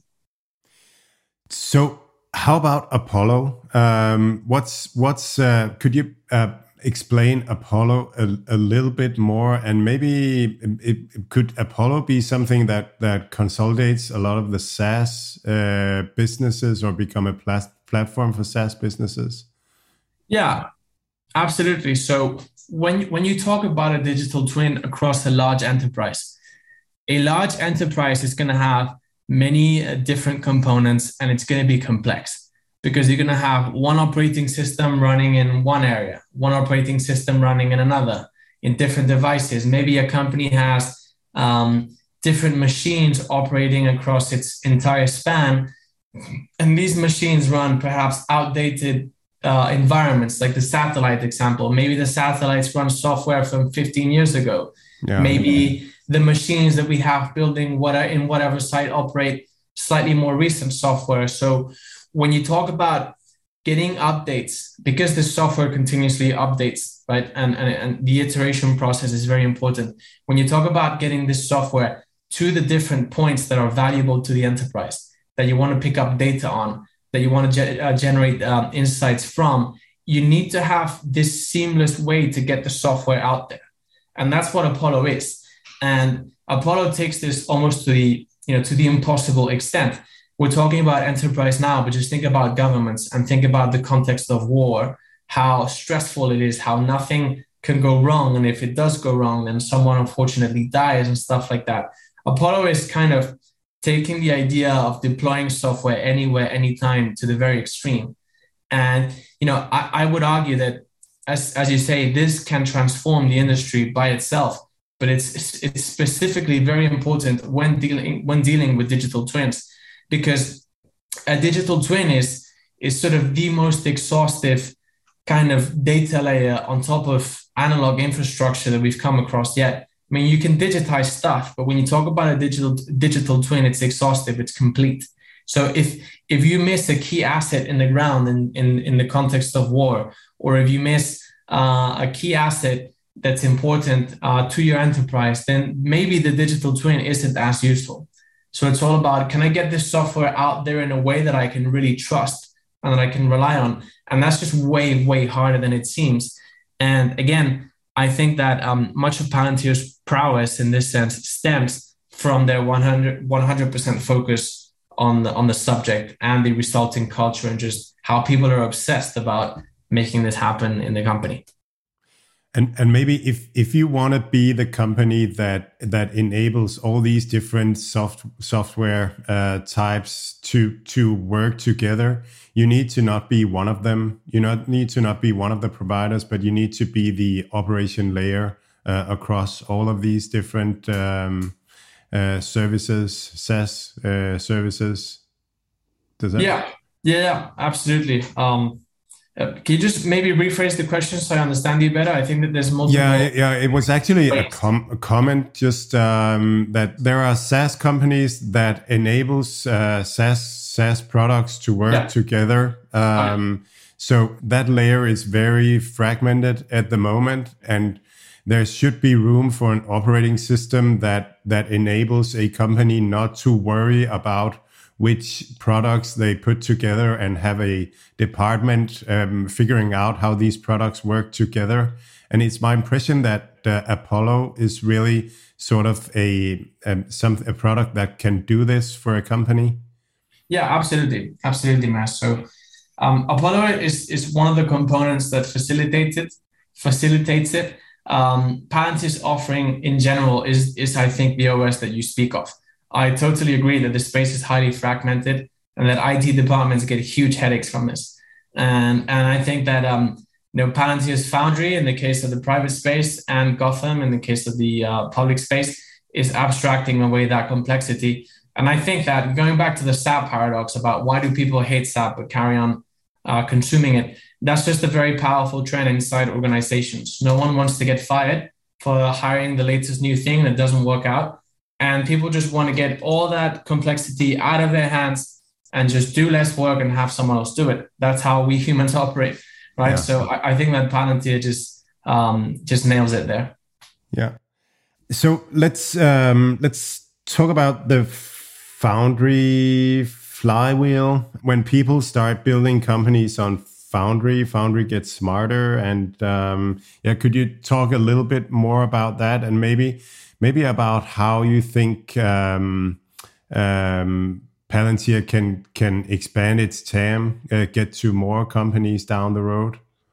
Yeah, so um, that's a great question, Mads. The the flywheel goes back to the idea of having more customers across more verticals operating on Foundry, and you know th- that just enables Foundry to get smarter through time, which enables Foundry to deliver incremental uh, value added to end customers, which just it generates this flywheel where customers and Foundry learn exponentially more. And the way this helps Foundry expand its TAM is eventually this gets to such a simple level of productization seen from the end customer point of view that even if you're not a techie, even if you have no idea about technology, all of a sudden you can be running this digital twin in your enterprise. So, say for instance, you run a dentistry shop and you spend most of your time figuring out how to do better your practice, but you have no idea about technology. And you're the kind of person that today uses Squarespace to run uh, your dentistry shop's website, right? And you have no idea about technology and stuff. In you know 15 20 years time you may be able to deploy a digital twin inside your shop just to generate insights like any other business but this will happen when the productization of the platform abstracts away you know all the problems even for people that have no idea about technology so this is how the TAM expands meaningfully through time. And how, why do I think this this uh, this is the road for an expanded TAM? Well, this definition of minimizing inputs and maximizing outputs is applicable to just any business across the world. And when you were talking about the idea of the transaction cost of information going down and stuff, this this applies to to industry at any level. It applies to companies of thousands of people and it applies to companies of just one people. And actually, what you're seeing across social media now, and this is how we met, Mads, which is fascinating, is people yeah. are doing their own content on an individual basis. And this is almost turning into a company now. But here's what I'm creating content, for instance, and I have no idea what's going on with it most of the time. I mean, I have some Twitter information, um, you know, metrics. I have some information on Substack, but mostly I have no idea. But there's so much data that could be picked up that would enable me to be much more efficient at my job. But it's it's not being picked up. And if it were, how do I aggregate it into a way that makes sense for me? How do I know that my engagement um, in a day like today isn't lower because something is happening in the world that's distracting people? How do I know that maybe people don't have a bank holiday in one of the countries in which I have, you know, the highest percentage of my audience. I have no idea of none of that. And I can guarantee you that if you give me a simple digital twin whereby I just get information of the digital avatar that I'm creating and I can optimize it, I'll pay for it. And you know, I won't pay for it, you know, perhaps hundreds of thousands of dollars a year, but I'll pay you 20 to 50 bucks monthly for a solution that's abstracting away all of the problems for me and that's delivering value. So that's kind of where this is heading. Um, you know, uh, one decade, two decades down the line. It's I just want the audience to, to generally get the idea that a digital twin is something that today applies mostly to the leading biggest companies in the world, but it's it's something that's going to apply to to every unit of economic value production because that's just how the world works. We need to minimize the inputs and maximize the outputs and digital twins enable us to do just that. Is there anything that we haven't uh, touched upon that that we need to touch upon before we just talk a little bit about valuation and and um, and and Palantir as an investment case? Well, um, you know, we, we could go deeper into AI specifically and blockchain. I think we just brushed up on that, uh, but that's gonna maybe take us. yeah, go ahead, please. Yeah. Yeah. So, you know, I, the thing I want to say about AI is that AI is such a buzzword. And I think that when we talk about it like this, just brushing over it, it sounds like I'm saying it from a, a kind of buzzword perspective. But it's really a technology that I've spent around three years of my life looking at deeply. And, and you know, specifically the, the version of AI that we talk about today, and that's making headlines and really driving process, is, is driven by a technology known as deep learning. And uh, deep learning is what makes deep learning work is what are called neural networks. And all a neural network does is we put data into it and then it just outputs predictions. And we train it to understand a subset of reality per the data that we feed it. And then when, when it's well trained, we can use it to make predictions. And even like this, it sounds abstract, but what I want to communicate to the audience is that don't think of AI as a sort of mythical creature that, that no one can understand it's really just a little bit of high school math with lots of computation thrown at it. And it's about breaking down the subset of reality that we want to understand into numbers that a neural network can chew, right? And, and help it understand our world. So, just to give you an example, and this is a very rudimentary one. If we want to train a neural network to detect pictures of cats, what we do is we give it lots of pictures with cats and lots of pictures without cats and we just break down the pictures into a set of numbers that we can throw into the neural network. And then these numbers just make it make their way through the neural network uh, and perform a random series of random computations. Each one of this computation is assigned a weight inside the neural network. And then at the other end of the neural network what we get is a prediction. A one if there's a cat a zero if there's not. So so just just to communicate to the audience that AI is basically Pearson correlations on steroids. And when you when you just apply this concept that I just explained of a cat or not cat to the concept of enterprise, there's really no difference quantitatively. So at, at the very fundamental level between pictures of cats and no cats, and for example, the information that surrounds the decision to buy inventory or not. And and you know, reality is infinitely complex, but coming down to, to, to a specific purchasing decision, it can be broken down to maybe five or six parameters that change through time in a company. And, and that's all you're doing with AI. You're putting these parameters into a neural network and you're training it through time. So say you have, you know, you, you can train a neural network for 500 days of operations and just every single time say, hey, when when these five or six parameters were at this level, this is this is the output that we wanted. We should have bought inventory or we should have not bought it. So then through that time, the neural network learns. And then when it's able, when it's trained and it's able to make inferences, one day it'll just be like, hey, this is the situation. We should make an inventory purchase or, or we should not. So that, that's kind of the fundamental logic that expands to the enterprise. And and I just wanted to make that clear.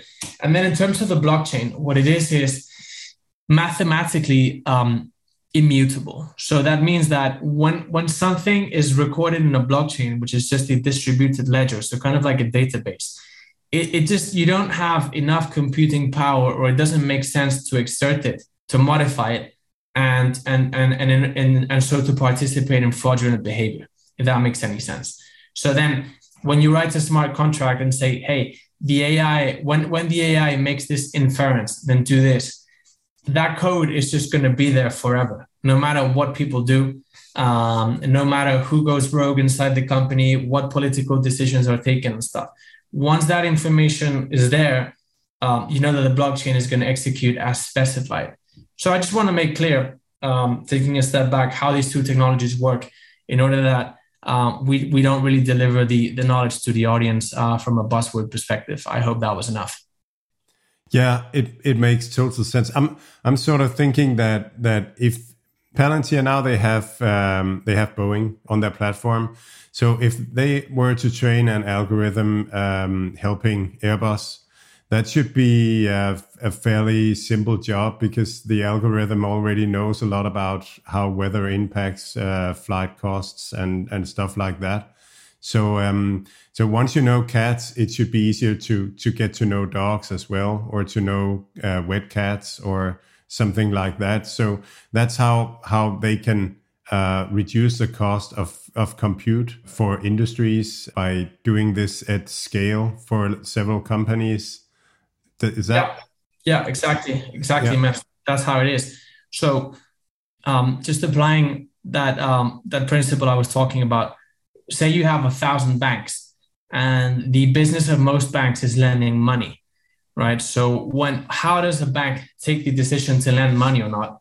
It will just pick up this information on the potential customer, say 20 different parameters, like how many times did he get fired from a job in his life? Say something like that. Uh, how many times, uh, you know, is he in debt or is he not? Stuff like that. Um, and then that tends to translate into an outcome. Does the bank lend money or not? So you, you can basically put all that data into a neural network and then show it what the end result was. So when this happens, people, this guy didn't pay. When this happens, this guy paid. And you do that many times, and you do that, you do that across thousands of endpoints, uh, sorry, data points. And then the neural network eventually learns to pick out people that are likely to pay back the loan and people that are not. All right. So it, it, inside just one bank, that's a very powerful thing to do. But if you do that across a thousand banks, then as I was saying, the, the platform begins to pick up the intelligence of the industry. And so that's something very valuable for you if you're starting a new bank. Of course, there's the question of, well, um, do people that already already have their bank established in the market want to sell this information to people that are going to go and compete with them? There's kind of an equation there, and it's not clear. But um, but you know, it's th- that transaction is going to happen in the future for sure, and that's how it happens you, you sort of put data into neural networks and neural networks learn to make inferences and that intelligence trickles down into the into the platform. Yeah it's it, it must be a scary scenario for companies because uh, if it's no longer hard to determine whether a guy should be approved a loan or not then you really don't need the company anymore because you you could just uh, run it on the platform. So it, it really changes uh, companies but if if you're outside the the um, the the community that shares data and shares um, shares compute, then you're just running at a disadvantage. So it's it's hard to see it not go that way if if if it just gets started. Yeah, yeah, that's what's really powerful about this Mads is that uh, th- there's going to be a, a, big divergence between companies that um, use AI properly and companies that don't. And in fact, as you were saying, layers of the information economy are going to get abstracted away very quickly. They're going to become commodities. So then um, companies are going to have to move beyond uh, traditional business models to then deliver value. One example of this is pharma, right? I mean, in banking, it's less clear because we don't really know what's after what we're seeing now. But you can check out pharma. And, and pharma, is, the industry has always been about, well, we have this problem. Um, in, in you know, people have this health problem in general how do we create a drug that fixes it, for instance? Yeah. And you know, the, the human body is made of proteins, and the human proteome is mostly about shape, and shape determines function. So the, the shape of a protein determines what function it's going to do inside a body. Okay. So then, you know, when something is wrong inside a body, you're ultimately saying, well, what shape is likely to fix this problem at the molecular level? So once you once you're able to predict with AI, which we can now, thanks to AlphaFold, which was developed by DeepMind, which is a Google subsidiary, when you're able to predict what genetic code will translate into what shape, you basically turn the industry upside down. It no longer becomes trial and error, although there's still going to be an element of that. It's like, well, we have this problem and we need this shape, right? So what genetic code do we use to produce this shape, right? So you know that's how abstracting away um, layers of complexity just by commoditizing information. Um, so by, by commoditizing processes that we perform on information pushes industries forward. I don't know if that's clear. Yeah, it's it's so clear. We we have a Danish company called Evaxion, uh, and they're listed in Nasdaq, and we had them on telling about this. They're trying to apply AI uh, this way, uh, actually, and and I also heard the Snowflake. Um, um, in, uh, investor uh, capital markets day.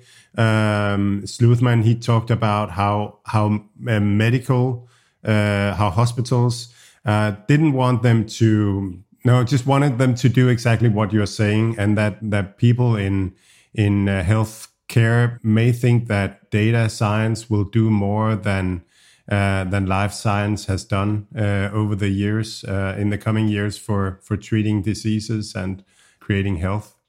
Yeah, I think so too.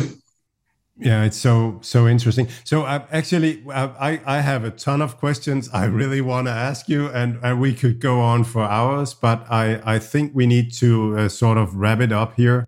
Could you just give us uh, your two cents on the um, investment thesis at the moment, the price, and and what do you think uh, people need to look for if if they want to invest in in Palantir? Sure, Mads. So look, this is a company that I don't think the long-term potential I think is fundamentally misunderstood, but it actually has some some very good financials today in the sense that it's cash flow positive. Uh, cash flow has been free cash flow has been rocketing uh, in the past few years and stuff. So it's not sitting at like cheap value um, valuation, right? It's it's actually sitting at 11.55 price to sales ratio, which is a ratio I personally like to use when income statements are not mature yet, as is the case of this company, which is actually its bottom line is in the red. 11.55 price to sales ratio says to me that there is plenty of enthusiasm around this company, right? So it's it's not something you're buying at rock uh, rock bottom prices. Now the thing is, this company today is trading at a valuation of um, it's at a market cap of 20.85 billion, right? So this this this um, long term vision that we're talking about of Foundry becoming a platform and stuff can have the company in 10 to 15, 20, 20 years time with a market cap of around the trillion or more. I mean, this this dynamic that we just we were just discussing of commoditizing layers of the economy very quickly through information and stuff. This is something that, in my view, is very likely to happen.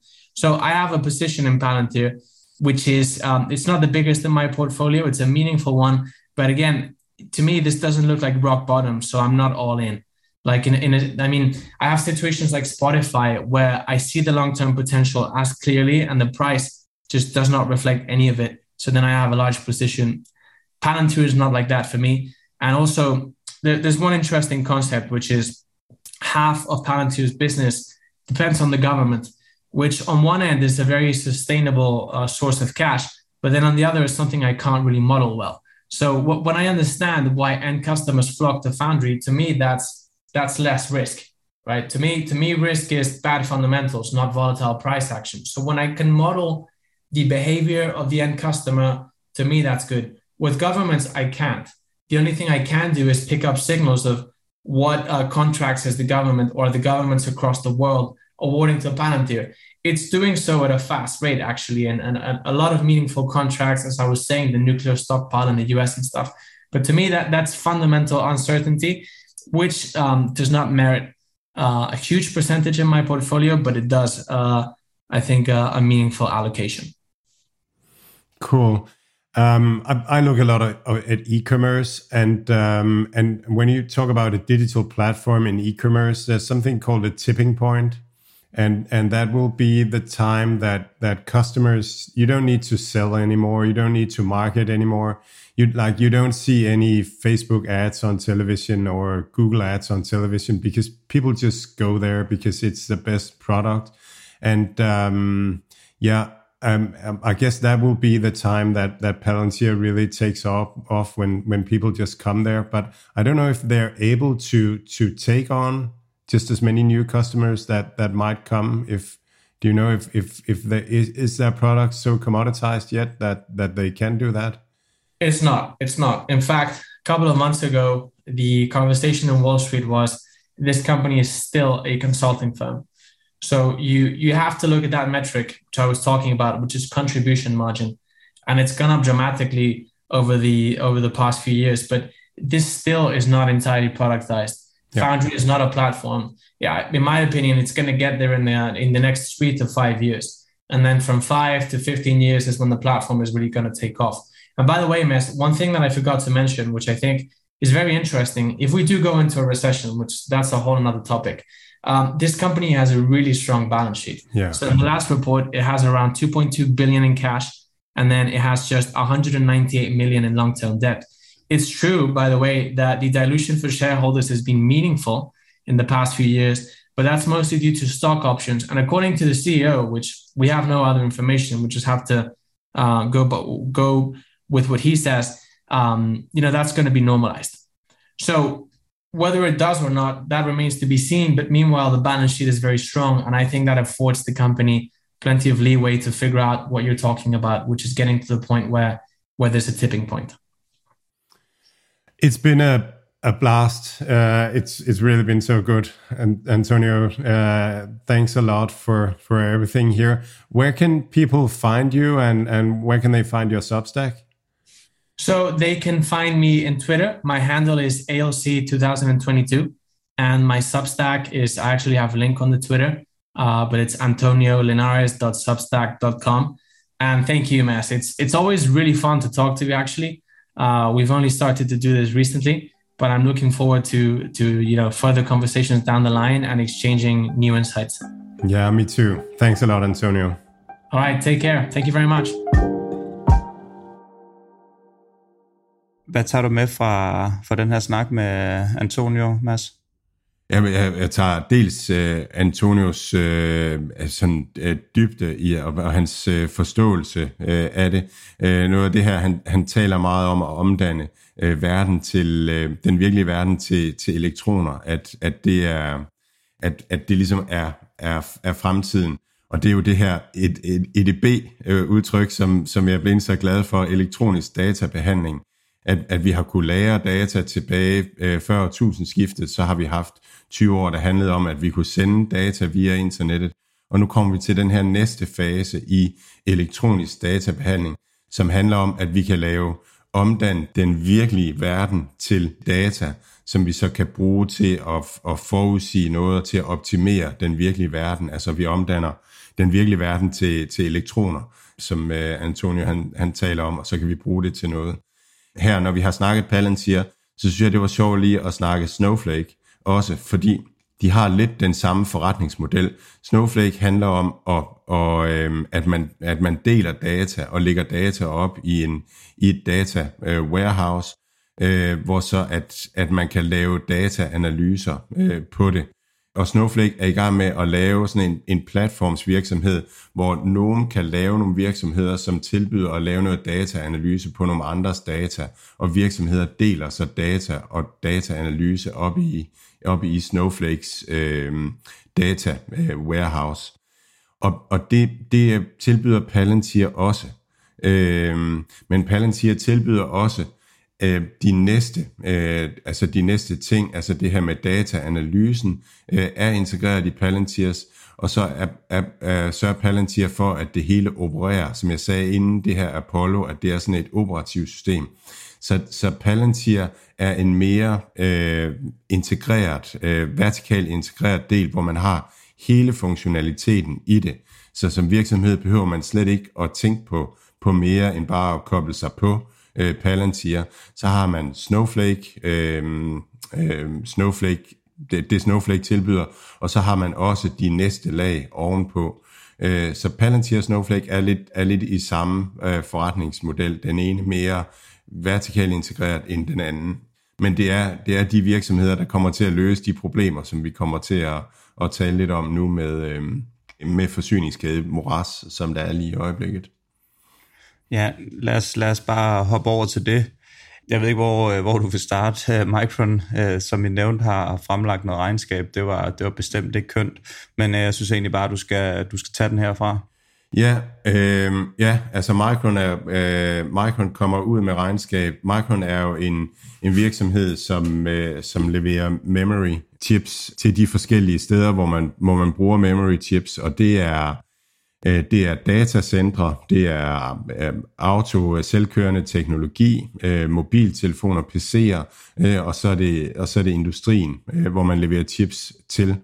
Altså det interessante ved Microns regnskab, det er egentlig, at, at man nedjusterer rimelig kraftigt forventningerne til anden halvår.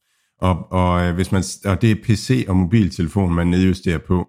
PC nedjusterer man fra 0% vækst og så ned til et, et fald på 10%. Og mobiltelefoner justerer man ned fra en forventning om 5% vækst til øh, en, en 5% nedgang øh, i hele året. Og det er altså, de her nedgange, de, de kommer i anden halvår. Så det vil sige, det er, det er 130 millioner mobiltelefoner, der bliver solgt færre i 2022 end forventet og det er 30 millioner øh, PC'er, der bliver solgt færre i 2022 end forventet. Så det er altså tegn på, at, øh, at efterspørgselen på elektronik bare falder ud over en klippe øh, her i øh, andet halvår. Derimod så, så da regnskabet kom ud af den her kæmpe nedjustering kom, af deres forventninger til, øh, til, til 2022, jamen så, øhm, så skete der ikke så voldsomt meget, så, så det var måske priset ind.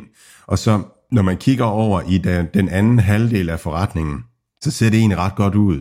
Og det er den halvdel, som producerer øh, memory chips til øh, datacentre og til øh, selvkørende biler og til biler generelt. Selvkørende biler indeholder bare meget mere øh, memory og, og, og teknik.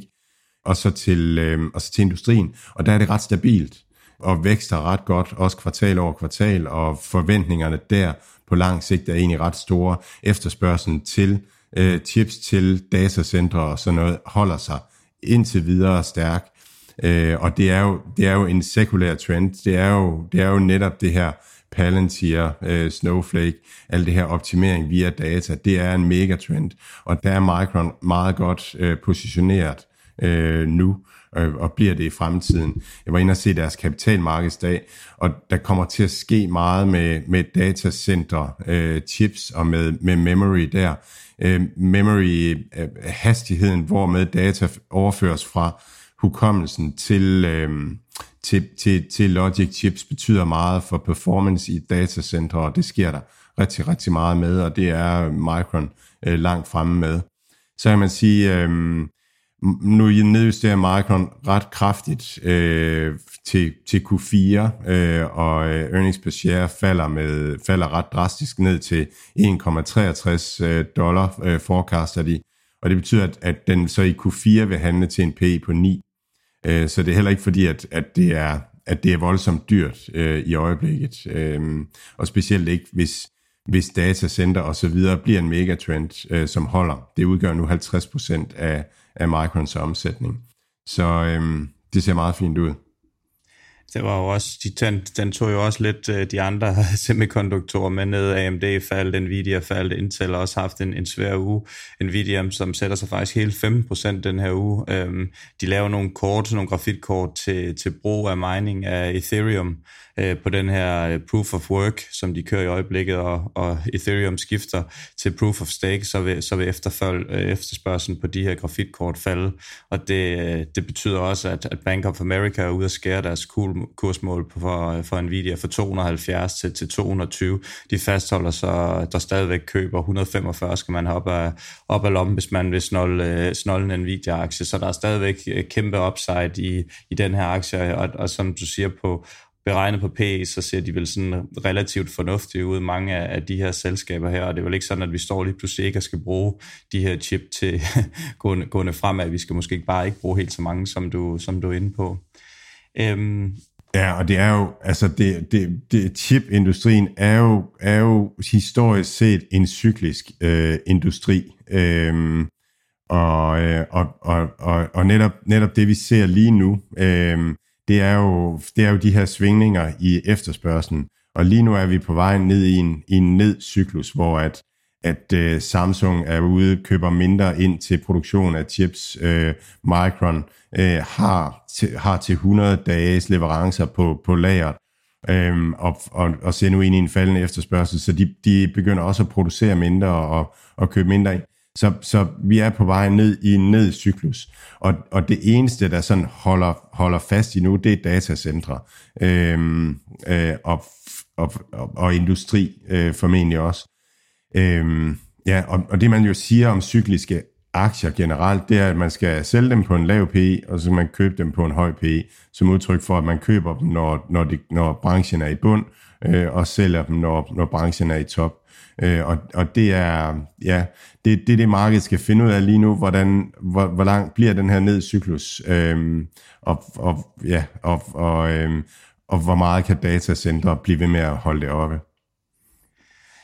Mads, vi skal lige tale lidt om, øh, om det her bullwhip-effekt, som, øh, som du lovede lige at beskrive for os. Det er, det er Michael Burry, som er, øh, som er kendt for den her The Big Short, den her film, man også kan se øh, under, under øh, finanskrisen øh, ja, for snart mange år siden, i, tilbage i 2007 var det vel.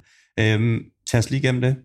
Jamen, bullwhip-effekten er, at, øh, er, at når man ser en, en forsyningskæde hele vejen ned igennem, jamen så vil det være sådan, at, øh, at hvis man vedvarende har et høj, en høj efterspørgsel øh, i forbrugerledet, øh, så, så bliver det hele tiden sendt ind til, øh, til retail-ledet. Øh, vi, vi skal have rigtig mange varer ud, og retail-ledet sender bestillinger tilbage i systemet øh, til, til, øh, til importøren og så videre, øh, og, og, og han sender videre til producenten.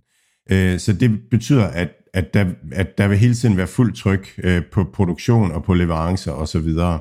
Og hvis så, øh, når så at, at efterspørgselen falder, jamen så vil der lige pludselig være for mange varer i systemet. Øhm, og, så, og, og, og bullwhip-effekten er, at hvis man kommer ind i sådan nogle, sådan nogle svingninger, hvor at, øh, at så er der høj efterspørgsel i et stykke tid, og så lige pludselig så falder efterspørgselen ud over en klippe, så er der lav efterspørgsel i et stykke tid, jamen så, så ender produktionen og leverancerne med at komme helt i bund, og så går det den anden vej. Men det, der så er i bullwhip-effekten, det er, det er at, at svingningerne bliver voldsommere og voldsommere, jo længere du kommer ud. Øhm, og det er det, vi ser så nu ultimativt med høje råvarepriser og, og sådan noget, har set øh, nu her. Øhm, og, og så hans pointe er, at hvis det her det er en bullwhip-effekt, så, så lige om lidt, så har vi altså det modsatte scenarie. Så har vi et scenarie, hvor at, at, at der er alt for mange varer i systemet, og, og priserne falder helt vildt meget. Og det, det, det betyder, det er jo, at det er svært for folk, der driver virksomhed, at, øh, at, at tingene veksler voldsomt meget i pris. Og det, jeg hører det sådan anekdotisk der, derude, at, øh, at byggepriser også lige nu, øh, eller priser på konstruktionsmaterialer, har været inde, inde i en periode, hvor at man kunne stort set ikke få noget, øh, hvis man skulle bygge en, en stor bygning eller et eller andet. Og nu vender det lige pludselig op, og, øhm, og nu ringer producenterne rundt og spørger, var der noget med, I manglede noget, noget stål eller noget? Altså, så, så, øh, så det svinger voldsomt nu. Og nu ser vi Microns regnskab her, hvor de er ude og sige, at, at det ser ud som om, at, at efterspørgselen på PC'er og, og mobiltelefoner kommer til at falde meget.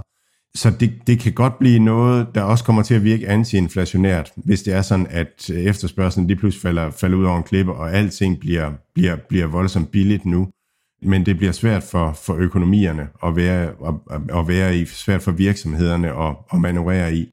Og så er vi tilbage til det her, som jeg har sagt nogle gange, at, at det kan altså godt være, at coronakrisen her, det bliver startskuddet på, at, at vi går meget mere ind på data. Fordi netop en virksomhed som Palantir vil kunne stabilisere alle de her svingninger ved ligesom at digitalisere hele værdikæden. Øh, hvis man har data fra hele værdikæden, så er det meget nemmere at, at undgå, at vi ender i, i de her situationer, hvor man med det samme kan reagere på, på ændret forbrugeradfærd. En artificial intelligence vil måske kunne, kunne finde de her små tegn på, at, at nu ændrer forbrugeradfærden sig, og så, så, sender, så reagerer man med det samme hele vejen øh, op igennem systemet.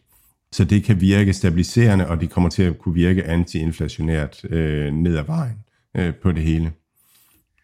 Inden vi øh, lukker af for i dag, Mads, så skal vi lige forbi øh, Protus, der også har fremlagt øh, regnskab. Hvad, øh, hvad, er det for, hvad er det for noget Protus? Øh, hvad er det for en virksomhed? Prosus er, øh, er den europæiske notering af Naspers. Øh, Prosus er noteret i Amsterdam øh, primært, og, og, øh, og, og blev, blev, blev lavet øh, øh, af, af Naspers. Naspers er, en, er den sydafrikanske øh, virksomhed, investeringsvirksomhed, som med succes har investeret i Tencent. Helt tilbage investerede man øh, en, en god låns i Tencent, og så har man bare holdt ved. Og så er man blevet en kæmpe stor virksomhed på baggrund af bare at være, være succesfuld investor i, i Tencent. Naspers har altid handlet med en stor rabat. Sådan er det, når, man, når det er en virksomhed, der er et konglomerat, hvor man ejer en masse forskellige virksomheder så er der altid den her konglomerat øh, rabat, og den ser vi i Amazon, øh, som, som har forskellige virksomheder og sådan. Så, så den er der, men den har altid været stor i Naspers. Det har været sådan noget med 30% rabat. Øh, man kunne købe Tencent 30% billigere, og i og med, at, at Tencent var den største del af, af Naspers, klart største del, så var det egentlig sådan, at det næsten altid været sådan, at man fik resten af Naspers gratis. Og det Naspers ellers har investeret i, det har været øhm, øh, food delivery øh, især, men også andre tech-ting. Det var Naspers, der solgte Flipkart til Walmart, øh, den indiske øh, e-handels øhm, øh, virksomhed, øh, tilbage for nogle år siden så, så gjorde man det, at man, man noterede Prosus øh, i Amsterdam, for ligesom at prøve at se, om kunne det gøre noget ved den her rabat, at der kom øget likviditet på aktien, at det ikke var en sydafrikansk aktie, men det var en, en hollandsk aktie. Og det har det ikke gjort øh, på nogen måde. Der er stadigvæk omkring 50% rabat øh, på, øh, på, på hvis, man, hvis man gerne vil købe Tencent-aktier, så kan man bare købe Prosus i stedet for, så får man dem meget billigere. Øh, og så får man også noget Delivery Hero og noget, noget brasiliansk øh, food delivery, iFood øh, oveni. Øh, og nu har man så valgt fra, fra Naspers og Prosus side at gøre noget ved det. Det var man ude at sige her i regnskabet, at nu begynder man at sælge Tencent-aktier. Og så for det proveny, man får fra at sælge Tencent-aktier, der kører man Prosus-aktier. Så man går simpelthen ud selv og laver den her arbitrage-handel, øh, hvor man tjener penge på, øh, på forskellen.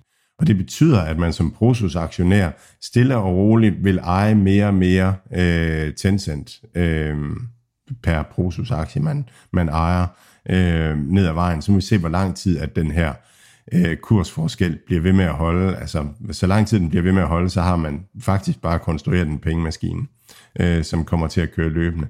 Så det, øh, det, gør, det gør Prosus vældig, vældig interessant, øh, synes jeg nu, øh, at, at eje og, og, og, og købe. Øh, så det kan man bestemt overveje, hvis man har Tencent aktier, så få, få dem solgt og så købe noget Prosus i stedet for.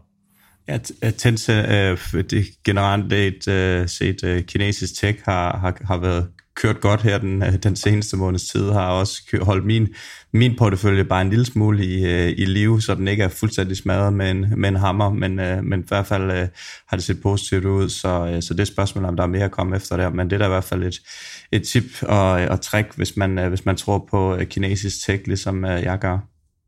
Og der, der, altså, der lige nøjagtigt den der nyhed med ByteDance, altså synes jeg skal gøre en sådan en lille smule øh, bekymret. Fordi at, at det, det øh, hvis det er, at, at kinesiske, kinesisk tech vil få det svært i Vesten, fordi det er kinesisk tech, øh, så betyder det jo, at, at kinesisk øh, tech er begrænset til Kina, og så til Afrika og, øh, og måske Sydøstasien øh, i nogen grad. Det giver i hvert fald sådan en begrænsning på, hvor stort at, at deres vækstområde er og Kina er jo en, en aldrende befolkning, så på den måde ville det være rart for, for kinesisk tech at kunne, kunne ekspandere til, til Vesten øh, med profitabelt. Så der er altid det her politiske hejs, der altid er alle vegne. Ja. Og det er der i øvrigt også øh, i Brasilien. Altså, øh, øh, svært miljø der og sådan noget. Det store, den store diskussion omkring Prosus var, at de ejer en, en god lunds af iFood, den store brasilianske øh, food delivery øh, platform, og den ejer Just Eat Takeaway også noget af. Øh, og, og, og man er så ude at diskutere, fordi Just Eat Takeaway er simpelthen i knæ, øh, og man er ude at diskutere, hvad, hvad er iFood så værd, og det ser ud som om iFood skal have penge, og det er ikke lige det. Just Eat Takeaway har mest brug for, at, at der skal investeres mere. Øh, men, men, og, og, og så har der været meget snak om, hvad er iFood så værd, og der, der skal man helt klart have med også, at, at iFood er en brasiliansk øh, virksomhed. Renten er stegen fra, øhm, fra 2,5% til 12% i Brasilien på, på relativt kort tid. Det er virkelig et, et, et uvenligt øh, investormiljø, øh, Brasilien. Så. Mads, det tror jeg var ordene her, ordene her fra, øh, for, for lørdagens podcast, så tror jeg kun, der er tilbage at ønske alle en, en rigtig god weekend derude. I lige måde, Mathias.